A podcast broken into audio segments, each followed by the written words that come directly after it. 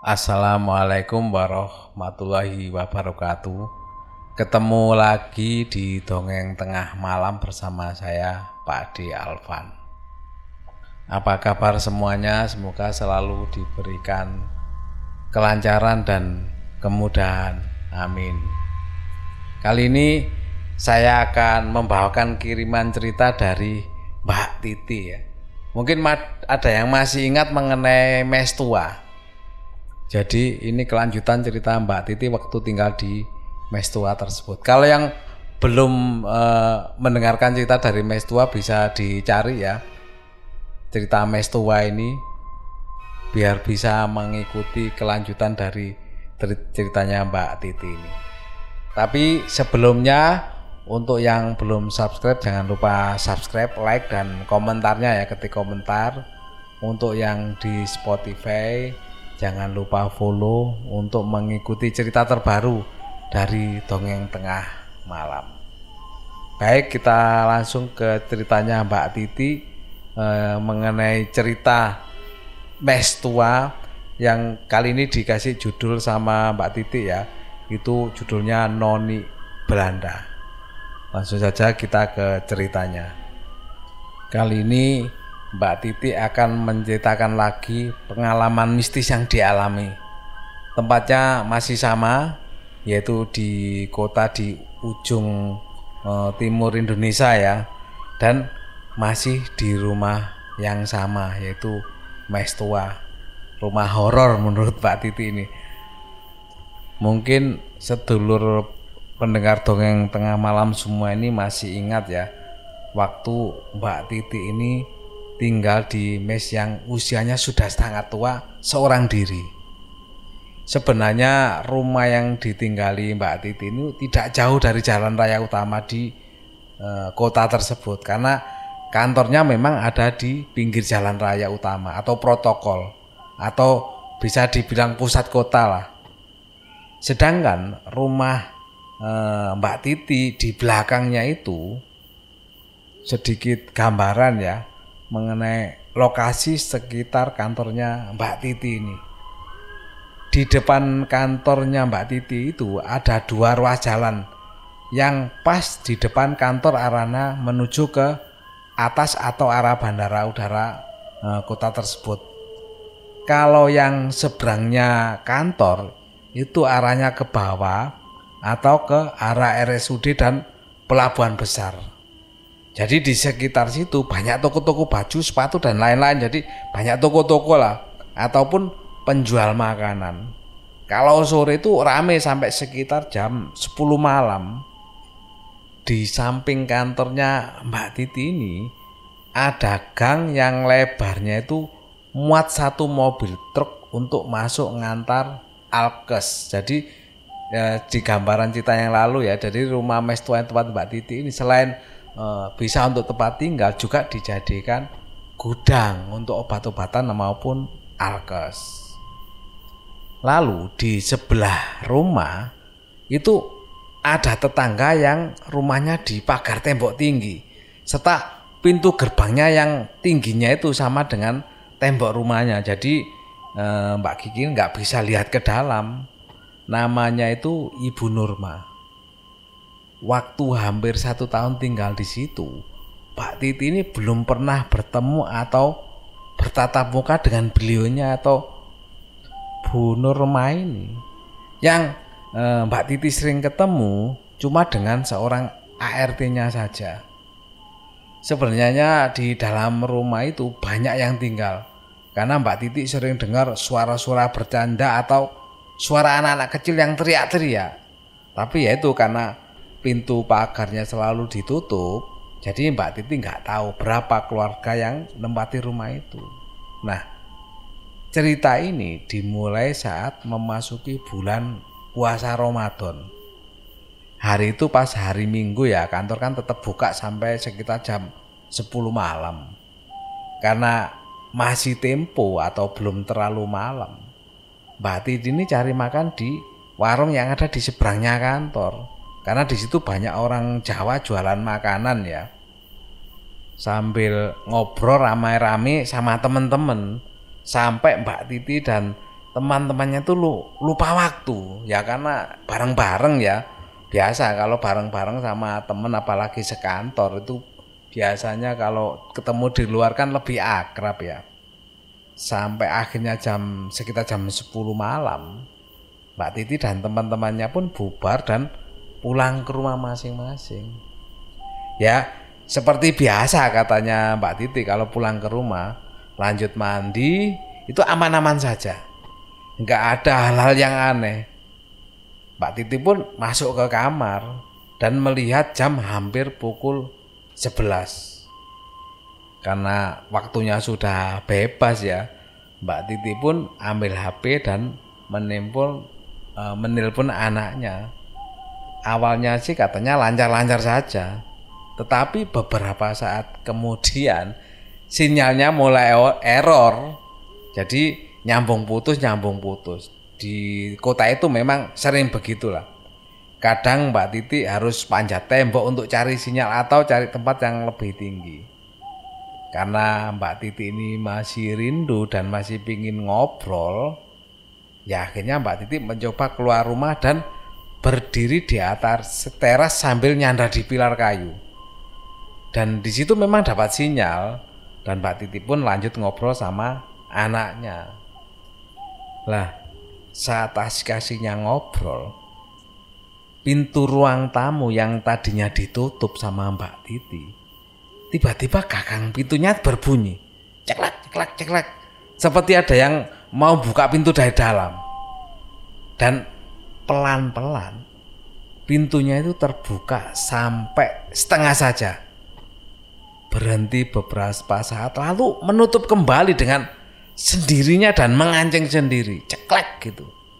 Pak Titi pun terdiam dan jantungnya pun mulai deg-degan sampai teriakan anaknya di seberang di telepon itu itu tidak didengarkan sama Mbak Titi. Sesaat katanya Mbak Titi saat itu itu rasanya mati rasa. Lalu segeralah eh, Mbak Titi ini jawab telepon dari anaknya dan Mbak Titi bilang terus terang ke anaknya itu kalau pintu rumahnya tiba-tiba terbuka dan tertutup sendiri. Di seberang anaknya itu kayaknya ada rasa khawatir sama Mbak Titi karena dari cerita Mbak Titi kan ya siapa yang gak khawatir ya orang tuanya tinggal sendirian di situ oh, nggak oh, ada siapa-siapa kok tiba-tiba pintu bisa buka dan nutup sendiri ya pastilah khawatir. Makanya anaknya eh, Mbak Titi pun segera menyuruh Mbak Titi untuk masuk ke kamar karena ya khawatir tadi. Akhirnya Mbak Titi pun masuk ke dalam rumah, memeriksa seluruh rumah, tapi nggak ada siapa-siapa. Tanpa pikir panjang, Mbak Titi pun lari langsung masuk ke kamar. Di dalam kamar, Mbak Titi ini merasakan ada hembusan angin yang dingin sekali katanya. Mbak Titi merasa tidak nyaman lah, pastilah merasa tidak nyaman karena eh, ada sesuatu yang beda ya. Mbak Titi pun diam menyambar di tembok dekat tempat tidur. Nggak lama setelah itu terdengar suara seperti besi yang berjatuhan dari atap eh, dari atap rumah ya. Gerompiang, gerompiang, gerompiang seperti itu katanya.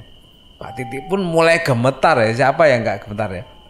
nggak lama lagi setelah suara tadi ya ada suara e, berpuluh-puluh balok kayu itu seperti dilempar dari atas dan suaranya bisa dibayangkan ya gemuruh seperti rumah robo dan Pak Titi pun ya mulai menangis ketakutan nggak tahu apa yang harus dilakukan gitu kemudian e, Mbak Titi pun sadar e, dia mengambil HP dengan tangan yang masih bergetar ya.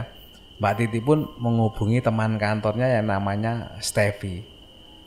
Begitu ditelepon dan tersambung, Mbak Titi pun menangis-nangis minta tolong dia eh, supaya datang ke mes tersebut untuk melihat sebenarnya ada apa di rumah eh, yang ditinggali Mbak Titi. Mendengar eh, tangisan Mbak Titi di telepon, temannya pun langsung mengiyakan dan sekitar 15 menit dia sudah sampai di rumah uh, di rumah tempat Mbak Titi ini sambil mengajak seorang teman lagi yang namanya Eri. Mereka berdua adalah drivernya di kantornya Mbak Titi ya. Saat sampai di rumah Mbak Titi ini, mereka berdua kaget melihat Mbak Titi yang masih bergetar badannya sambil menangis sesenggukan. Lalu Mbak Titi pun ceritalah semua kejadian yang dialaminya. Setelah mendengar cerita Mbak Titi ini, mereka pun berdua lalu memeriksa seluruh bagian rumah, mulai dari gudang belakang dekat sumur, kamar mandi samping kanan rumah, samping kiri rumah, tidak ada yang aneh. Ketika mereka sampai di kamar ketiga yang dekat dapur, tiba-tiba Steffi ini berhenti dan bertanya sama Mbak Titi, Mbak, kau yang buka pintu kamar ini kah? mendapat pertanyaan dari Steffi seperti Mbak Titi pun kaget. Enggak, Stef. Saya enggak pernah sentuh kamar itu jawab Mbak Titi. Kemudian Steffi pun uh, noleh ke arah Eri. Ri, kau yang buka pintu kamar ini kah? Tanya Steffi. Enggak, bikin apa coba buka-buka pintu itu? Itu pintu terkunci sudah lama katanya si Eri. Enggak bisa dibuka dan juga kuncinya sudah hilang sambil jelasin ya Eri ke Stevie ini. Lalu kenapa bisa terbuka? Tanya Stevie sambil terus ngeliatin ke arah Mbak Titi. Saya nggak tahu Stev. Kau bikin saya takut deh teriak Mbak Titi ya. Akhirnya Stevie pun mengajak Erik untuk menutup pintu kamar tersebut. Ditarik dan dibanting kuat-kuat oleh mereka berdua. Dan tutup uh, tertutup lagi dan terdengar seperti terkunci dengan sendirinya. Lalu Stevie coba menendang daun pintu, tidak terbuka. Akhirnya karena tidak ada sesuatu yang mencurigakan, mereka berdua pun pamit pulang dan berpesan kalau ada apa-apa supaya menghubungi mereka. Tentu saja hal itu membuat Mbak Titi ini hatinya lega ya. Dan malam itu meski gelisah, Mbak Titi pun tetap bisa tidur. Paginya saat Mbak Titi mau ke kamar mandi untuk ambil wudhu, saat Mbak Titi melewati kamar ketiga, betapa sok Mbak Titi bahwa melihat pintu kamar itu sudah terbuka sendiri lebar-lebar. Dan Mbak Titi pun tidak balik badan, tetap lanjut jalan sambil berdoa dalam hati. Ya Allah, tolong jaga saya. Pagi harinya sebelum berangkat kerja, Mbak Titi ini coba memberanikan diri masuk ke kamar tiga yang e, pintunya sudah terbuka lebar ya. Kamarnya itu lembab dan bau anyir, pengap. Karena dengan bau seperti itu ya, akhirnya Mbak Titi pun sengaja pintunya itu tetap dibiarkan terbuka. Alasannya ya daripada uh, terus Mbak Titin terkaget-kaget lihat pintu terbuka sendiri, ya mending dibiarin terbuka saja. Sampai di kantor, ternyata Mbak Titi ini menceritakan kejadian semalam ke big bossnya dan alhamdulillah big bossnya pun uh, mengerti dan tanggap dengan kejadian yang dalam Mbak Titi akhirnya memperkerjakan seorang satpam yang jaga di depan rumahnya Mbak Titin tiap malam dan juga dua ekor anjing yang ditempatkan di samping rumah. Hari berikutnya, hari Senin, kantor atau apotik tempat kerjanya Mbak Titi itu ya, penuh pasien. Apalagi hari itu dokter spesialis kandungan baru datang dari Jawa dan mulai buka praktek. Makanya pasiennya full bisa ditebakkan jam berapa akhirnya Mbak Titi pulang. Namun karena ada Pak Satpam yang menjaga mesnya Mbak Titi, Mbak Titi pun agak sedikit lega dan tenang gitu loh. Ya pulang kerja seperti biasa, mandi dulu, eh, sembayang dan tidur. Hari itu kan seperti disediakan di awal ya, itu kan masih bulan Ramadan, otomatis Mbak Titi kan eh, sahur ya eh, pagi harinya. Sekitar jam 3 pagi, Mbak Titi ini di dapur bikin mie instan untuk makan sahur. Lah, pada waktu saat nyalain kompor, sekilas di belakangnya Mbak Titi ini ada sekelebat bayangan melayang menuju kamar mandi. Sontak Mbak Titi pun nengok, tapi nggak ada apa-apa. Akhirnya Mbak Titi pun cek ke kamar mandi juga nggak ada apa-apa. Lah, sewaktu Mbak Titi mau taruh panci di atas kompor, tiba-tiba keran air di kamar mandi itu menyala. Otomatis kaget lah Mbak Titi. Nengok ke belakang karena colokan pompa airnya itu ada di tembok belakangnya Mbak Titi. Padahal colokannya itu nggak nyancep. Bisa dibayangkan ya. Colokan pompanya nggak nancep tapi airnya mengalir Mbak Titi langsung merasakan ada uh, kejanggalan ya. Langsung uh, tanpa pikir panjang kembali masuk ke kamar nggak jadi masak. Dan Mbak Titi pun sahur dengan mie mentah karena kebetulan sempat waktu lari mie-nya itu masih di bawah Mbak Titi ke kamar. Selesai sahur dengan mie mentah tersebut, eh, Mbak Titi ini masih baring-baring ya sambil nunggu waktu subuh. Lampu pun dipadamkan sama Mbak Titi sambil tidur-tiduran membelakangi pintu. Samar-samar Mbak Titi ini dengar suara anjing melolong panjang sekali. Makin lama itu rasanya tuh makin dekat dan anjing itu melolong-lolong tepat di bawah jendela kamarnya Mbak Titi ini. Mulailah uh, Mbak Titi ini bulu kuduknya mulai merinding dan kedua kakinya Mbak Titi ini mulai terasa dingin. Sementara kedua anjing itu terus melolong-lolong. Karena merasa terganggu, Mbak Titi pun berbalik badan. Tetapi alangkah kagetnya Mbak Titi dan langsung shock. Karena pas di dekat uh, kepalanya Mbak Titi ini duduk seorang perempuan berbaju putih panjang, rambut panjang, berwajah pucat. Wajahnya itu seperti noni-noni Belanda ya, menatap ke arahnya Mbak Titi dengan tatapan sedih.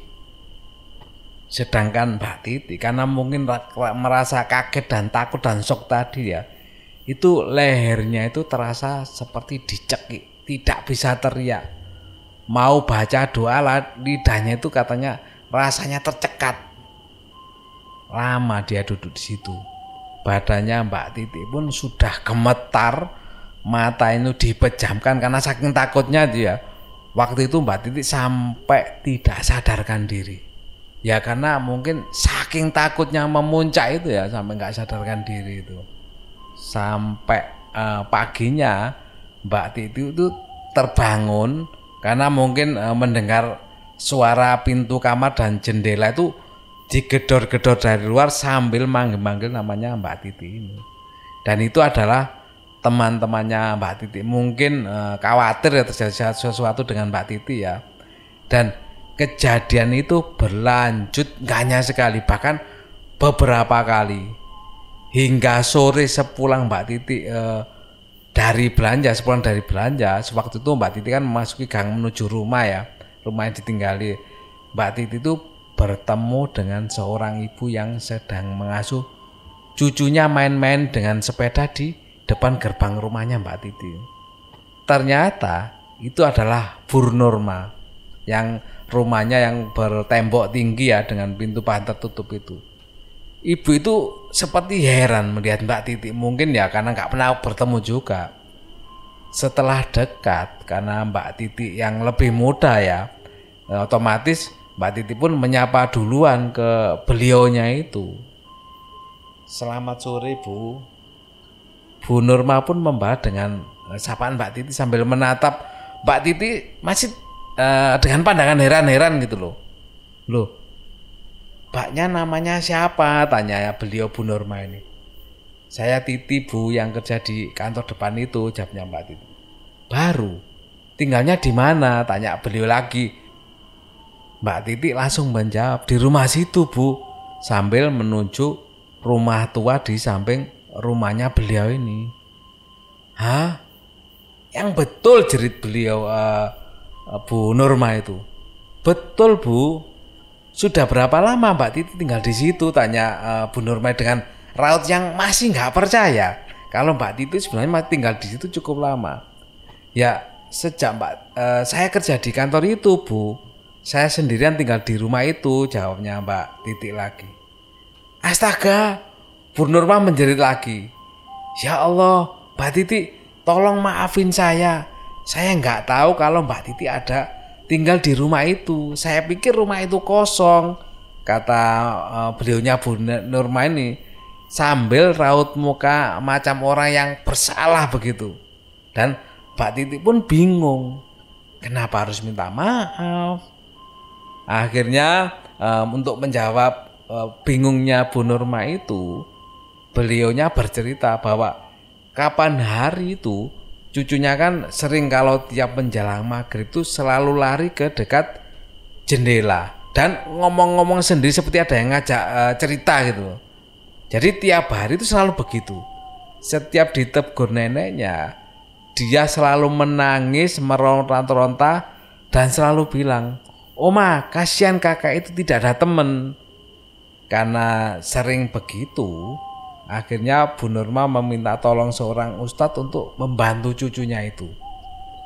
Dan juga supaya cucunya tidak diganggu lagi oleh makhluk halus.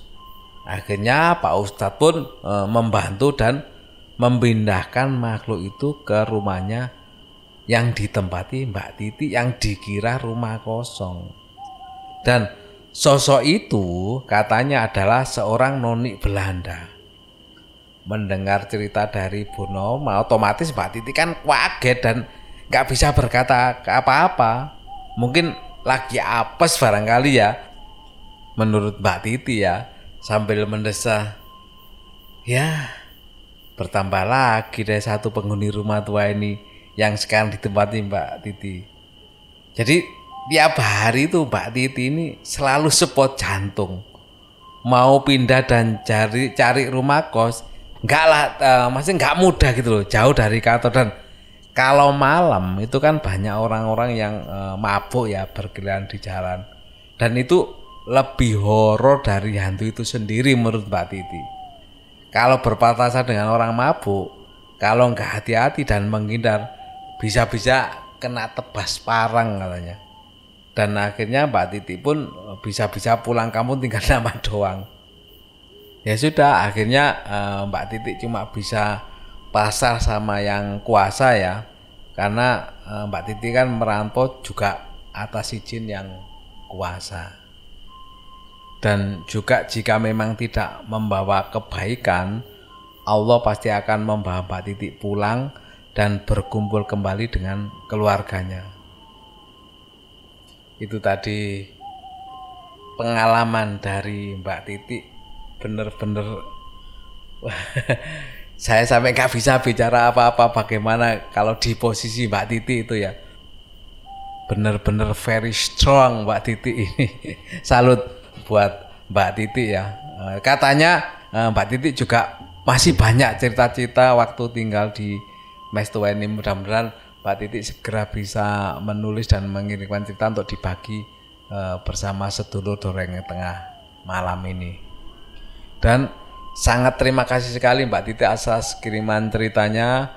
Uh, mudah-mudahan sedulur semua bisa terhibur. Dan untuk yang mau kirim cerita bisa via email ya, emailnya dongeng tengah malam at gmail.com. Dan juga jangan lupa yang belum subscribe bisa subscribe sekarang ya. Tulis komentarnya bagaimana uh, Mbak Titi ini mungkin bisa dikomentari betapa strongnya Mbak Titi ini, betapa kuatnya Mbak Titi ini menghadapi semuanya itu. Dan yang di Spotify jangan lupa follow supaya bisa mengikuti cerita terbaru berikutnya. Dan juga terima kasih yang sudah mendengarkan cerita dari Dongeng Tengah malam ini juga atas komentar-komentarnya dan saya dari Dongeng Tengah Malam saya akhiri Wassalamualaikum warahmatullahi wabarakatuh.